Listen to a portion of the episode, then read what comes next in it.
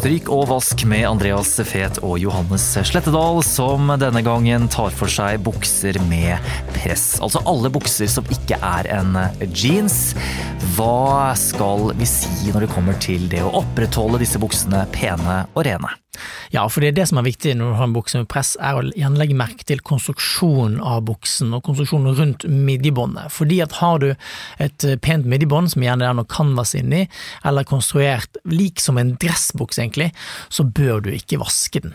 Og det har ikke noe med stoff å gjøre, fordi buksen kan jo gjerne være i bomullsstoff som lar seg egentlig vaske, men det har med konstruksjonen å gjøre at midjebåndet vil vri seg, og du får det aldri pent igjen.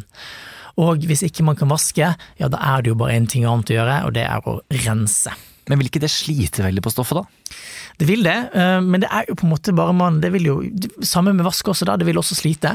Og rens vil slite på ull, så det er viktig å prøve å unngå det så mye som mulig. Har du en eh, bomullsbukse, som er på en måte en dressbuksekonstruksjon, så kan du jo prøve å drive litt lokal flekkfjerning. Bruk gjerne eh, lemon soap fra Postell for eksempel, eller Vanish spray og, og bare lokal treatment på flekken eller hvor det er blitt skittent.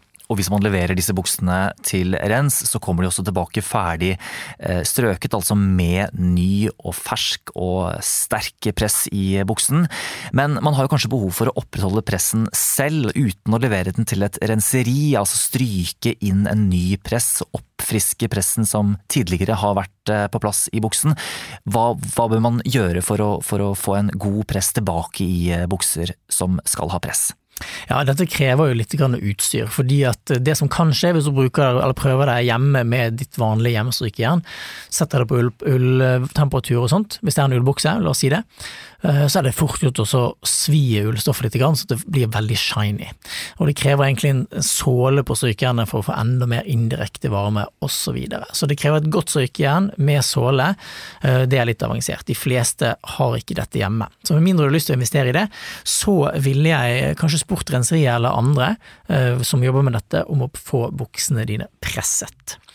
Um, det som er lurt er å ikke vente til pressen er gått helt vekk, fordi at hvis du har lite grann igjen av pressen, så er det mye lettere å finne den igjen og friske den opp. Eh, men du kan selvfølgelig sette pressen på nytt, det er ikke noe problem, det tar bare litt lengre tid og er litt mer komplisert. Så da må du gi den til noen som vet hva de gjør. Men hvis man har den berømte sålen som du snakker om, da, eh, hvordan går man frem for å, for å stryke buksen? Hvordan legger man den på brettet? Ja, du må ha godt og langt eh, strykebrett, eh, forhåpentligvis. Det gjør jobben i hvert fall mye lettere, så dekker hele buksens lengde. Lengden med yttersidesømmen ned, så du legger buksen på en måte på siden, eh, med beina oppå hverandre helt flatt. Sånn at du har på toppen av buksen til din venstre side, og opplegget nederst til din høyre. Så bretter du tilbake det øverste buksebenet, sånn at du presser det underleggende eller nederste buksebenet fra innsiden, hvis det gir mening. Eh, så og nå skal jeg prøve å forklare strykking, dette blir veldig spennende. Eh, når du har buksebenet da liggende på siden der, så tenk at vi skal ta del for del. Så begynn gjerne nederst, og begynn med fremsiden først. Ikke tenk på baksiden, så vi deler det opp. Ta sidesømmen, og begynn på fremsiden.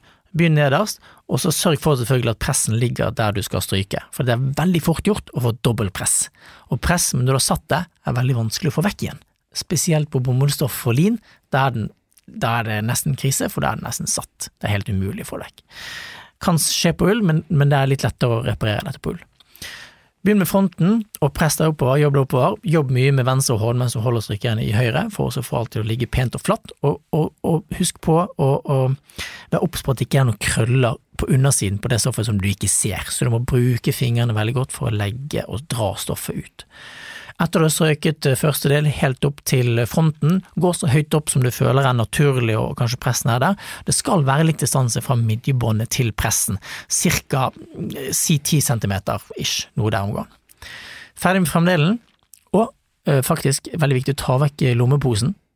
For du, du, kan faktisk stryke over lommeposen, og så får du merker gjennom buksen. Ikke bra. Fjern lommeposen vekk, sånn at du ikke stryker over det. Så begynner den på bakdelen, gjør det samme der, retter ut, sørger for at alt ligger pent. Jobber du også oppover. Idet du kommer opp til eh, skrittet, jobb, jobb deg skikkelig inn i skrittet på buksen. Fjern også lommeposen hvis du har baklommer, og press så videre ut. Så, da er du ferdig med det benet.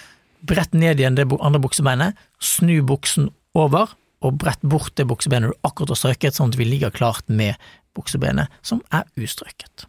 Og så gjør du prosessen igjen. Ja, Det er rett og slett bare å ta Andreas på øret når du har strykebrett og strykejern og buksen du skal stryke klar. Hvis dette gikk litt for raskt for deg som lytter på, så lover vi at når du hører på denne episoden, så ligger det også en strykeguide ute på Velkleddpodden på Instagram.